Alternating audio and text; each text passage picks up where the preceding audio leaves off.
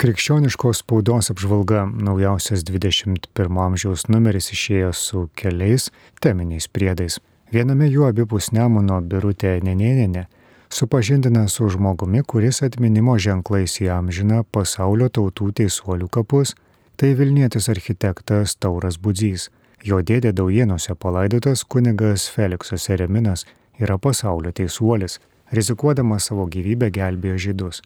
Žydų muziejaus 2022 m. gruodžio 1 d. duomenimis 995 piliečiai pripažinti pasaulio tautų teisuoliais, kai Tauras Budzys ėmėsi savosios misijos, buvo žinomi pripažinti 907 teisuoliai. Jie dvašiam komisija Izraelyje kruopščiai ir ilgai tyria pateiktus dokumentus dėl šio vardo pripažinimo.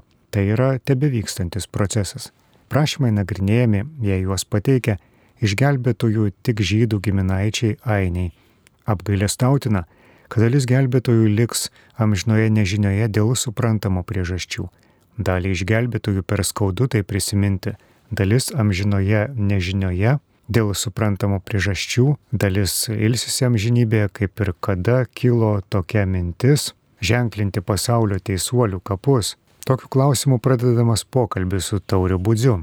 Gyvenu netoli Antakalnio kapinių.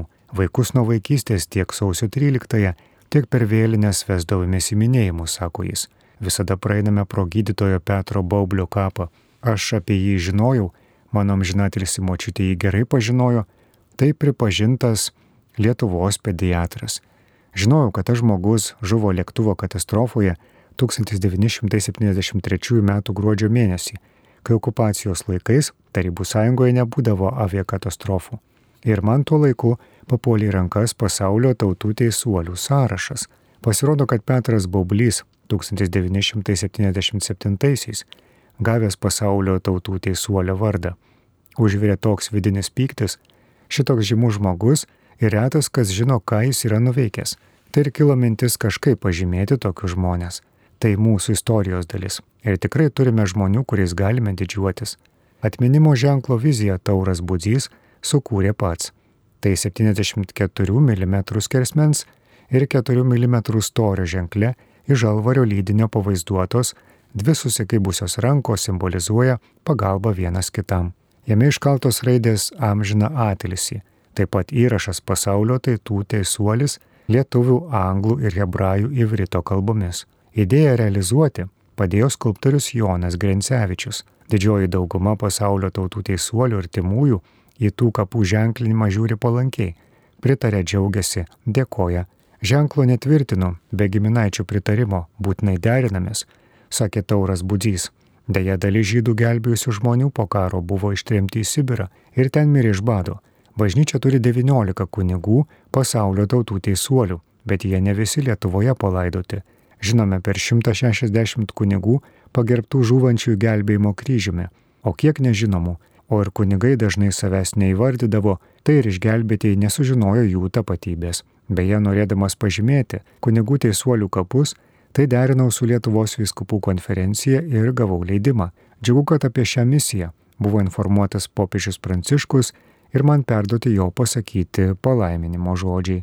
Kitame tekste ta pati autorė Birutė Nenėnenė pristato Marijampolės kultūros centre veikiančią fotoparodą Šventosios šeimos seserų portretai nuspalvinti ramybę, geriu ir šventumu. Jos autorė Greta Blažė užfiksavo šias Marijampolė gyvenančias vienuolės, mąstydama už ką aš turėčiau būti Dievui dėkinga, bažnyčioje būdama labai dažnai pamatydavau vienuolės. Aš jas stebėdavau besimeldžiančias mišių metu ir pagalvodavau, kokia graži būtų nuotrauka. Tai vienu, tai kitu rakursu sakė nespalvotų nuotraukų autorė. Vienuolino vyresnioji sesuo Lina Striokaitė pastebėjo, kad Gretos pasisiūlymas prieš Velykas įsitraukti į tokį projektą nustebino ir pamalonino. Tik klausime, ką reikės daryti, o Greta atsakė, jog nieko. Gyventi savo gyvenimą, tik kartais tarp mūsų pasimaišysianti su fotoaparatu, man tai šimtų procentų nuostabi paroda. 21 amžiaus priede sidabrinė gyja Juratė Korsakaitė pasakoja apie prieš 115 metų gimusią mažai žinoma, bet labai verta prisiminti asmenybę. Tai filologė, istorikė, prozininkė, vertėja, bibliotekininkė, bibliografija, pedagogė, poliglotė, politinė kalinė Ona Matusevičiūtė, kurią tapusią našlaitę nuo vaikystės globojo mamos brolis Pušaloto altaristas kunigas Jonas Jaskevičius. Jei kas mano nuveikta, tai tik šio kunigo nuopelnas, sakė ji.